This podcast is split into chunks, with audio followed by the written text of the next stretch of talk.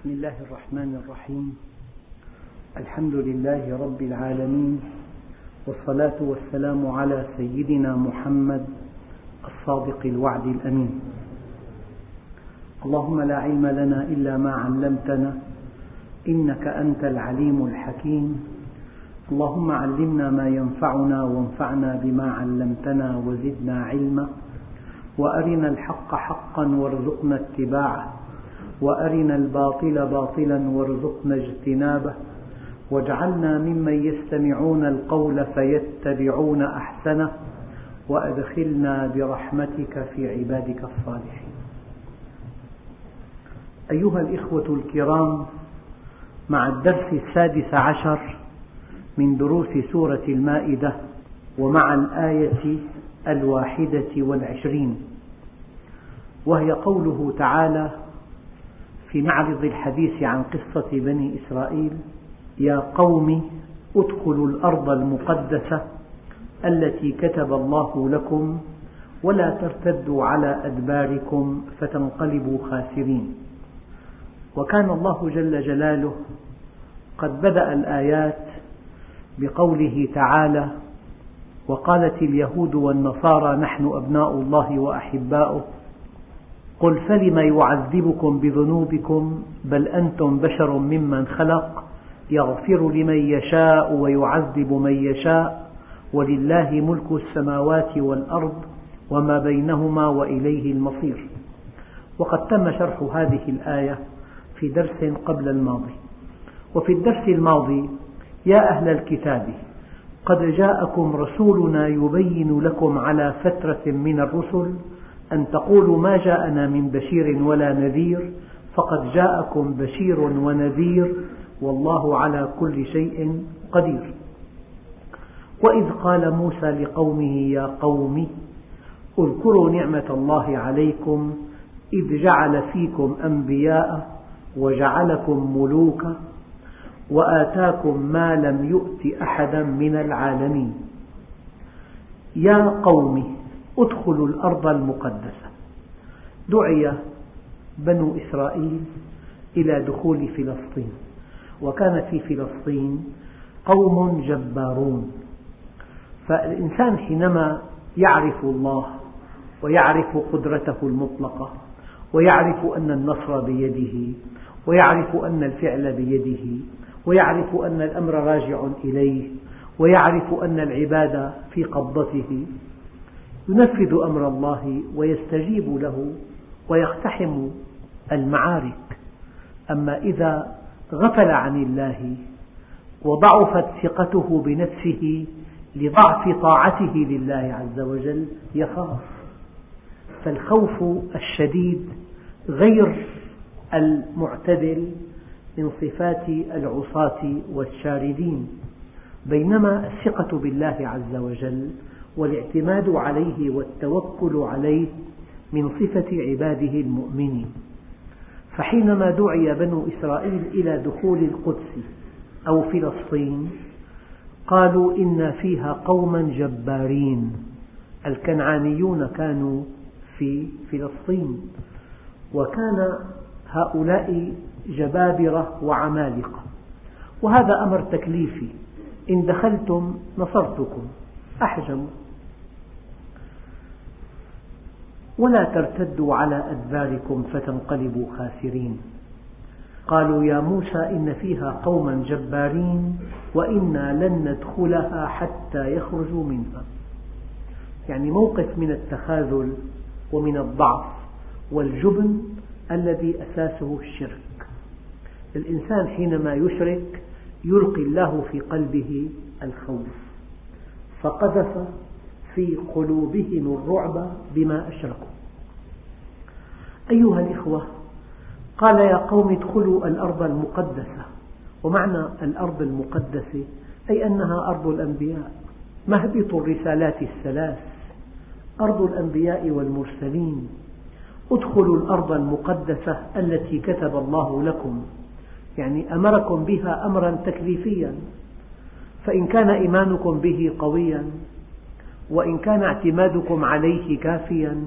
وإن كانت ثقتكم بأنفسكم عالية بسبب طاعتكم لله عز وجل فلا بد من أن تدخلوها. معتمدين على الله آخذين بالأسباب.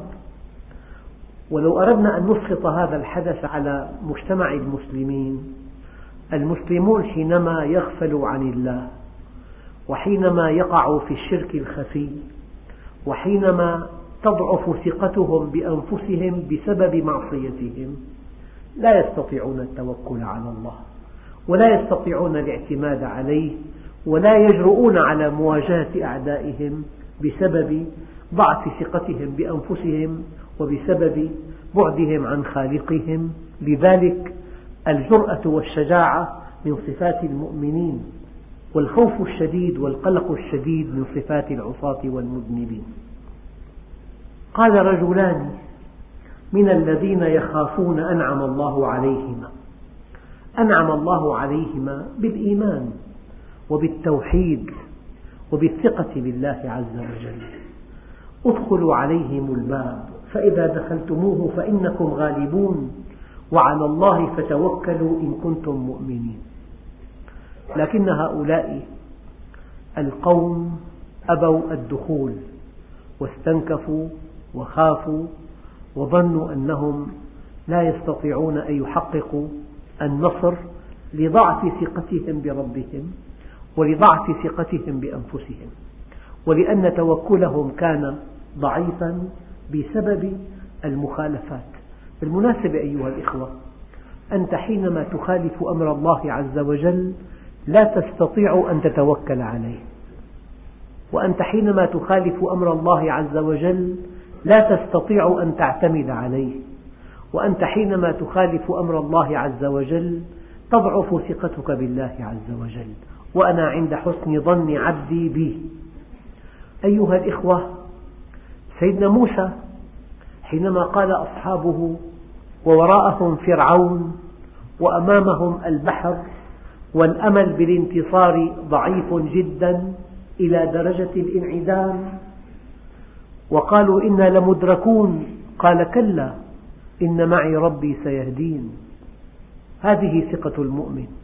ووالله الذي لا إله إلا هو كإسقاط لهذه القصة على الأحداث العامة.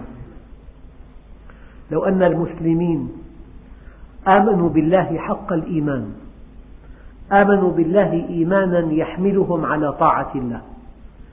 ثم أعدوا لعدوهم ما يستطيعون.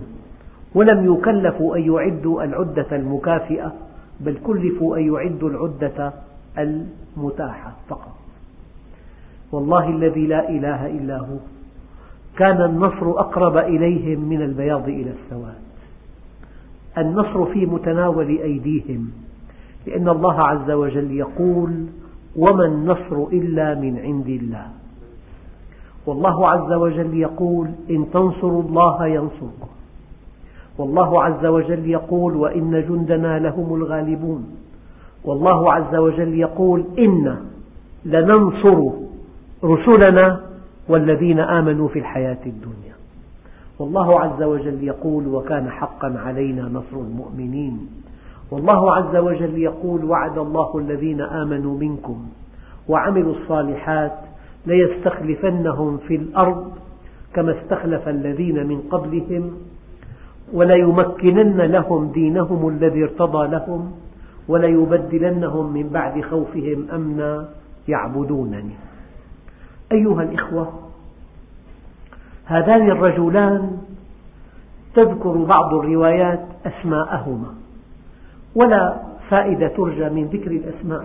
رجلان مؤمنان يخافون الله عز وجل ويقدرونه حق قدره أنعم الله عليهما بالإيمان أشارا على قومهم أن يدخلوا عليهم الباب فإذا دخلتموه فإنكم غالبون لأن الله عز وجل يقول وإن جندنا لهم الغالبون حينما تتحقق فيك جندية الله عز وجل أن تكون جنديا لله لا أن تكون جنديا لجهة أرضية. حينما تتحقق جنديتك لله لا بد من أن تنتصر. لأن الله عز وجل يقول وإن جندنا لهم الغالبون. والآيات التي تبشر المؤمنين بالنصر كثيرة جدا. وكلكم يعلم أن زوال الكون أهون على الله من ألا يحقق وعوده للمؤمنين. فلذلك قال رجلان من الذين يخافون أنعم الله عليهما ادخلوا عليهم الباب فإذا دخلتموه فإنكم غالبون وعلى الله فتوكلوا إن كنتم مؤمنين. لكن الضعف والخور الناتج عن ضعف الإيمان وعن ضعف الطاعة. أقول وأعيد الضعف والخور الناتج عن ضعف الإيمان وعن ضعف الطاعة. يسبب الخوف الشديد والفرق من مواجهة العدو.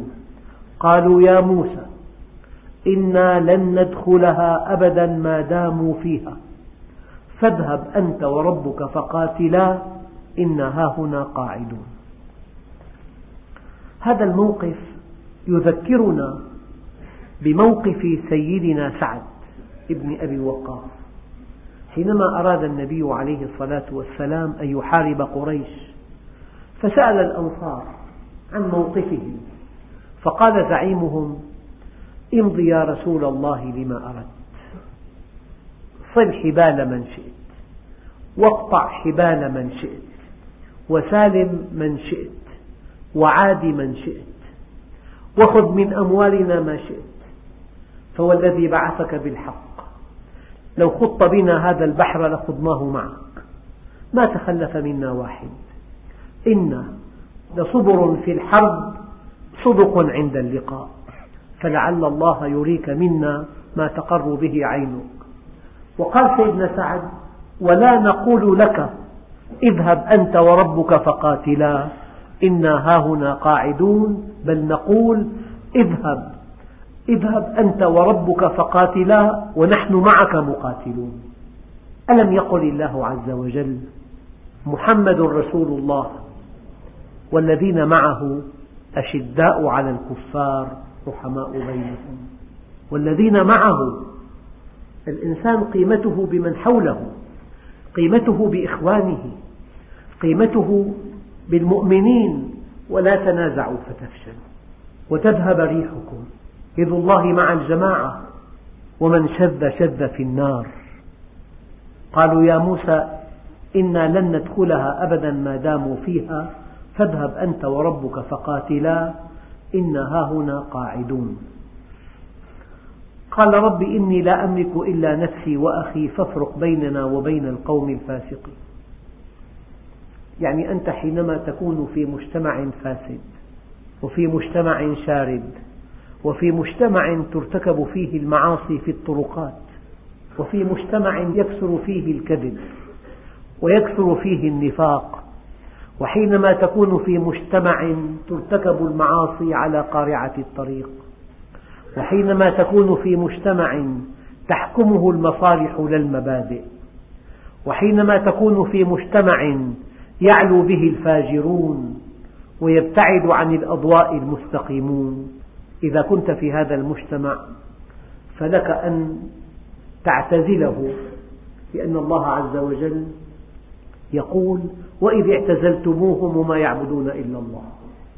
لهذا قال عليه الصلاة والسلام حدثنا عن آخر الزمان يوشك أن يكون خير مال المسلم غنما يرعى به شعف الجبال يفر بدينه لذلك ما لم تشعر بالغربة في مجتمع الفساد ما لم تشعر بالغربة في مجتمع التفلت ما لم تشعر بالغربة في مجتمع النفاق ما لم تشعر بالغربة في مجتمع المعاصي والآثام.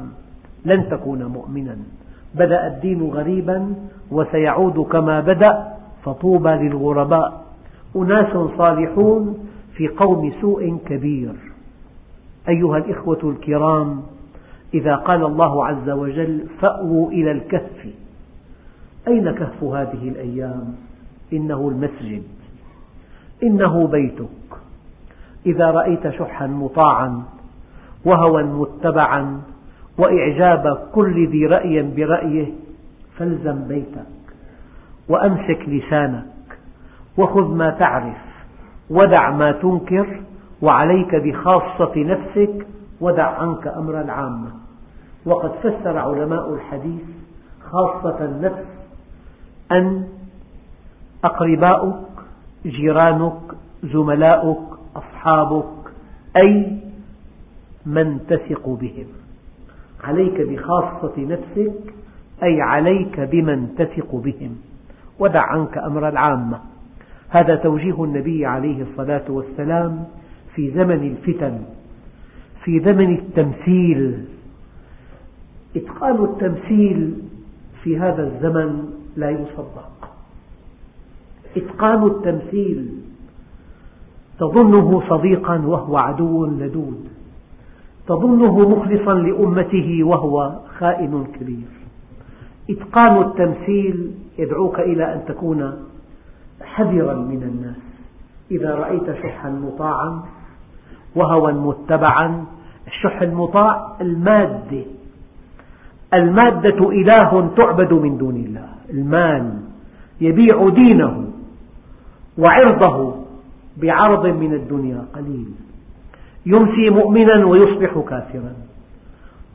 ويصبح كافرا ويمسي مؤمنا.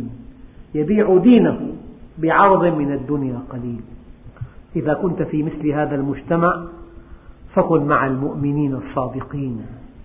يد الله مع الجماعة ومن شذ شذ في النار.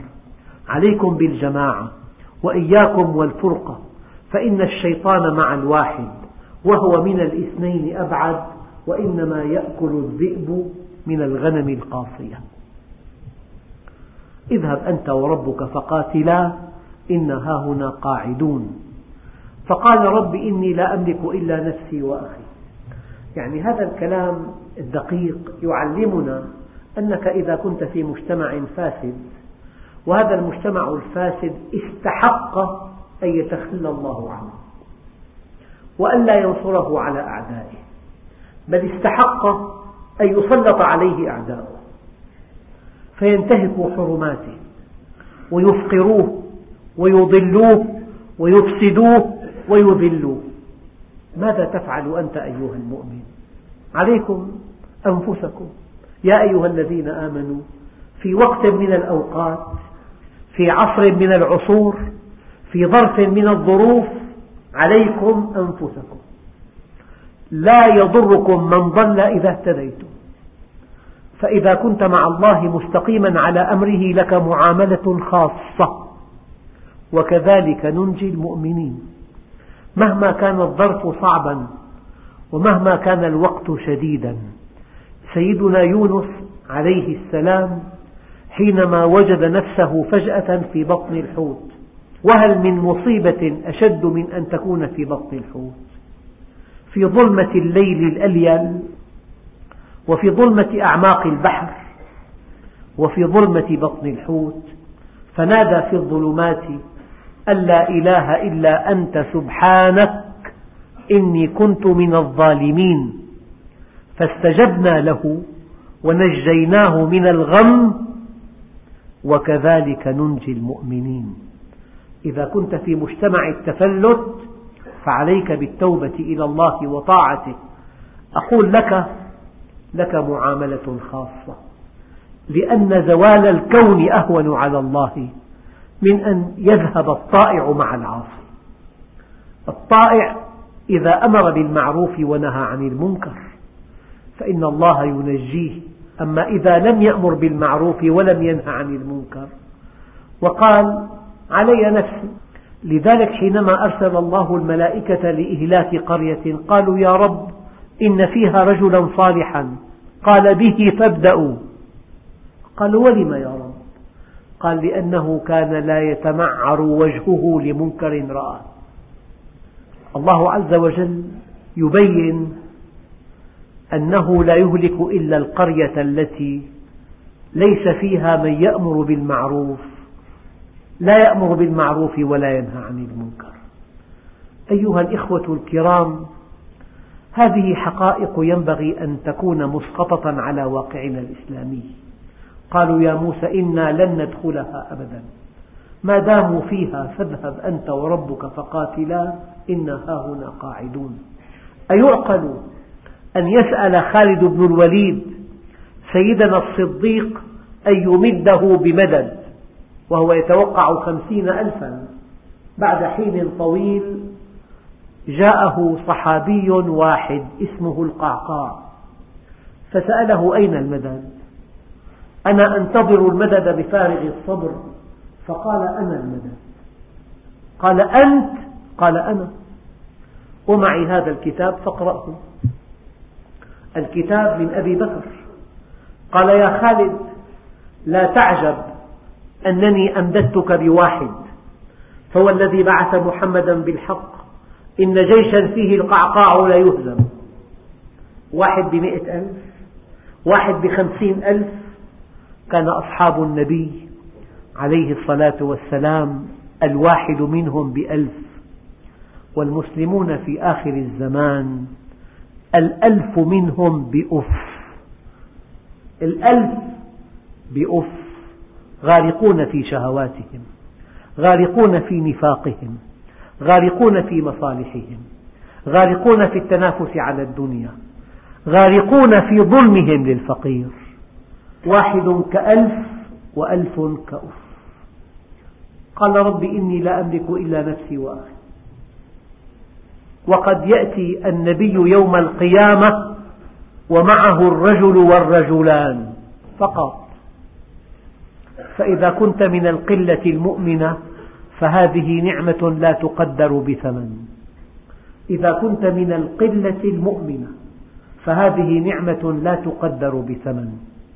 وإذا كان الإنسان من الكثرة الكاثرة فهذه مصيبة خطيرة. قال رب إني لا أملك إلا نفسي وأخي فافرق بيننا وبين القوم الفاسقين.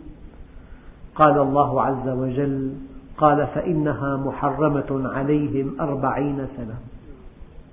يتيهون في الأرض فلا تأس على القوم الفاسقين. فلا تأس على القوم الفاسقين.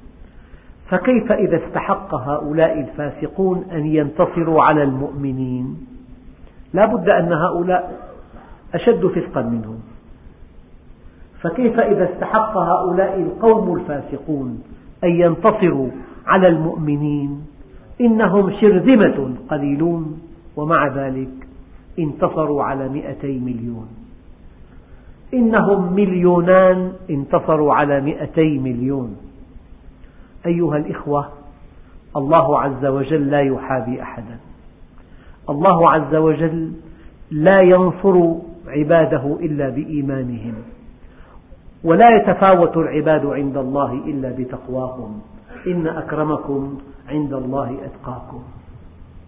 أيها الإخوة من بعض الآيات المتعلقة بهذا الموضوع والتي ينبغي أن تذكر لاتصالها الشديد بهذا الموضوع وقلنا من بعده لبني إسرائيل اسكنوا الأرض.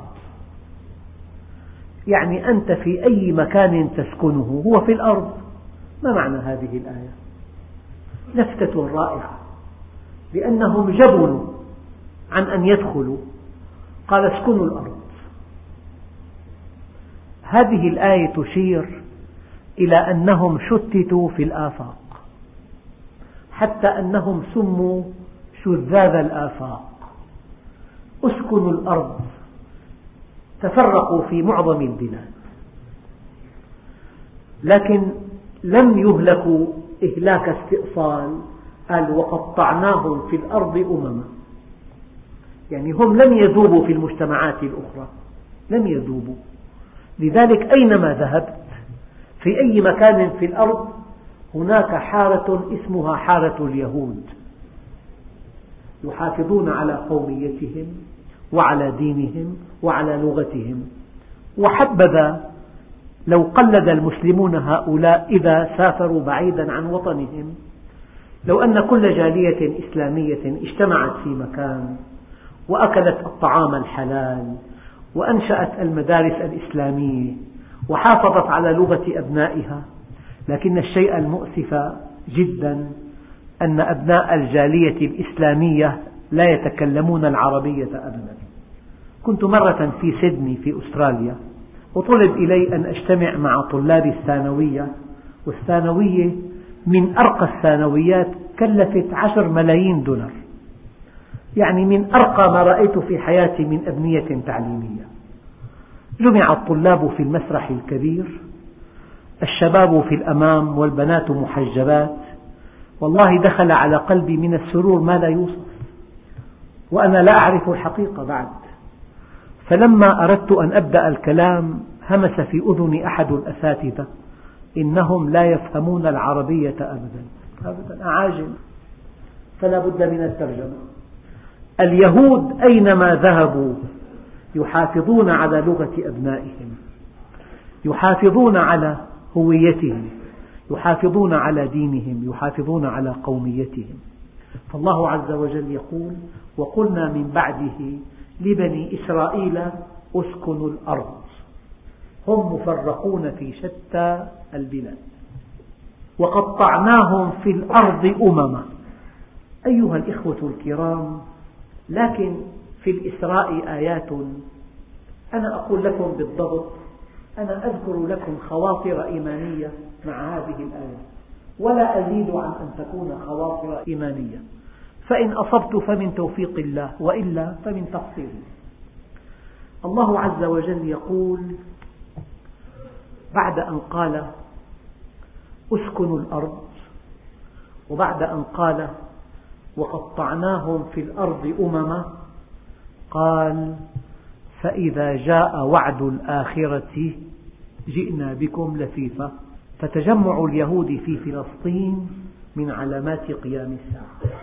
فإذا جاء وعد الآخرة جئنا بكم لفيفا الله عز وجل يقول وقضينا إلى بني إسرائيل في الكتاب لتفسدن في الأرض مرتين ولتعلن علوا كبيرا.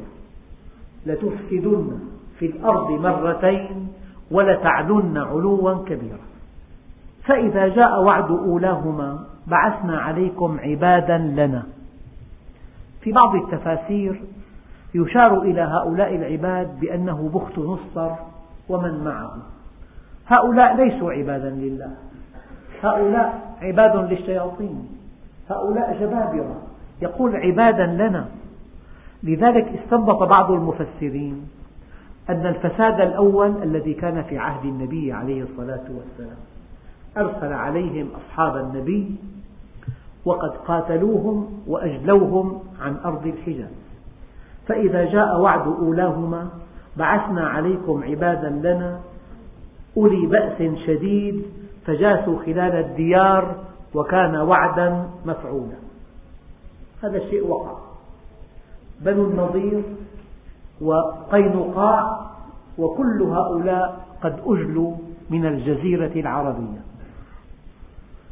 ثم يقول الله عز وجل يخاطب اليهود ثم رددنا لكم الكرة عليهم لضعف المؤمنين وتفلتهم وتقصيرهم ومعصيتهم ونفاقهم وبعدهم عن ربهم سمح لهؤلاء الشرذمة أن يقووا عليهم. ثم رددنا لكم الكرة عليهم وأمددناكم بأموال وبنين. أموال الأرض بإدارة اليهود. وأمددناكم بأموال وبنين وجعلناكم أكثر نفيرا. الآن إن أحسنتم أحسنتم لأنفسكم. وإن أسأتم فلها. فإذا جاء وعد الآخرة يعني أخذتم المسجد من المسلمين. فإذا جاء وعد الآخرة ليسوءوا وجوهكم وليدخلوا المسجد كما دخلوه أول مرة وليتبروا ما علوا تتبيرا. أخذوه أول مرة في عهد عمر بن الخطاب رضي الله عنه ثم أخذه اليهود منهم فإن بقوا على ظلمهم الذي ترونه كل يوم وكل نشرة أخبار. فإذا بقوا على ظلمهم وليدخلوا المسجد كما دخلوه أول مرة وليتبروا ما علوا تتبيرا بعض العلماء لا يرى أن هذه الآيات متعلقة بما يجري. وبعضهم يسقطها أول مرة على بخت نصر وبعضهم كما قلت قبل قليل يسقطها على فساد اليهود بعد مجيء القرآن الكريم. في المرة الأولى فسدوا ولم يؤمنوا برسالة محمد صلى الله عليه وسلم فسلط الله عليهم عبادا لنا المؤمنون وأجلوهم عن الجزيرة. لكنهم بعد ذلك لتقصير المؤمنين دخلوا المسجد مرة ثانية. وفي هذه الآيات بشارة إن شاء الله أن يسترد المسلمون هذا المسجد وأن يفتحوه تحقيقا لوعد الله عز وجل. وهذا ثابت عندهم أيضا في كتبهم. مرة سئل وزير دفاع وقد احتل قلعة في جنوب لبنان عن هذه الوقائع فقال هذا صحيح سوف يأخذ منا كل ما أخذناه منهم وسوف ينتصرون علينا ولكن ليس مع هؤلاء الذين حولنا. وله كلمة مشهورة أن هؤلاء حينما تكتظ مساجدهم على صلاة الفجر كما تكتظ في صلاة الجمعة ينتصر علينا. فمن مسجد يتسع لعشرين ألف مصلي لا تجد صفا واحدا في صلاة الفجر ولا تجد صفا واحدا. لذلك أيها الإخوة إن أحسنتم أحسنتم لأنفسكم وإن أسأتم فلها فإذا جاء وعد الآخرة ليسوءوا وجوهكم وليدخلوا المسجد كما دخلوه أول مرة وليتبروا ما علوا تتبيرا عسى ربكم أن يرحمكم وإن عدتم عدنا. وهذه آية لكل المؤمنين. وإن عدتم عدنا. أيها المسلمون أيها العرب عودوا إلى الله يعود الله لنصركم. سيدنا صلاح الدين كما ذكرت في الخطبة اليوم بلغه أن أحد ملوك الفرنجة قطع الطريق على الحجاج وصار يقتل الرجال ويسبي النساء ويقول قولوا لمحمدكم أن ينتصر لكم. سمع صلاح الدين هذا الكلام فبكى فقال أنا سأنوب عن محمد في نصرة أمته. وما زال يسعى حتى استطاع أن يقبض على هذا الأمير الإفرنجي أرناط في الكرك ويقتله. قال له أنا أدافع عن أمة محمد. القضية بيد الله ولكن الله لا ينصر القوم الفاسقين. لا ينصر القوم المنحرفين القوم المنافقين القوم العصاة. إن الله ينصر عباده المؤمنين. فما نزل بلاء إلا بذنب ولا يرفع إلا بتوبة. أيها الإخوة ما يجري تحت الساحة العربية والإسلامية شيء مؤلم جدا. أحيانا يبالغ الطرف الآخر في إذلال المسلمين وفي إفقارهم وفي إضلالهم وفي إفسادهم. يفقرونهم ويضلونهم ويفسدونهم ويذلونهم. والله مع الحق. فإذا أردنا أن نسترجع مالنا من مكانة عند الله فعلينا بطاعة الله. قال رب إني لا أملك إلا نفسي وأخي فافرق بيننا وبين القوم الفاسقين.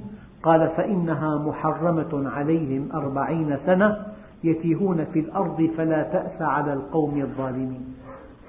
من أمثال العرب إن البغاث بأرضنا يستنسر يستنسر يتخلق بأخلاق النفس. والبغاث أضعف أنواع الطير. فهؤلاء الشرذمة القليلون. هؤلاء المشردون في الآفاق. هؤلاء كانت لهم الكرة علينا. ولا ينجينا منهم. وطموحاتهم لا تنتهي.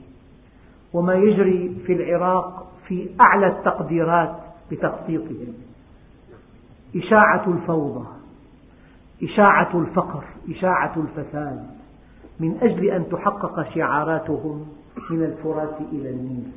وما كنت أظن في حياتي أن هذا يحقق في المدى المنظور لكنهم وصلوا إلى الفرات. وأرجو الله أن يبعث عليهم عبادا له أشداء يخرجونهم من هذه البلاد. والحمد لله رب العالمين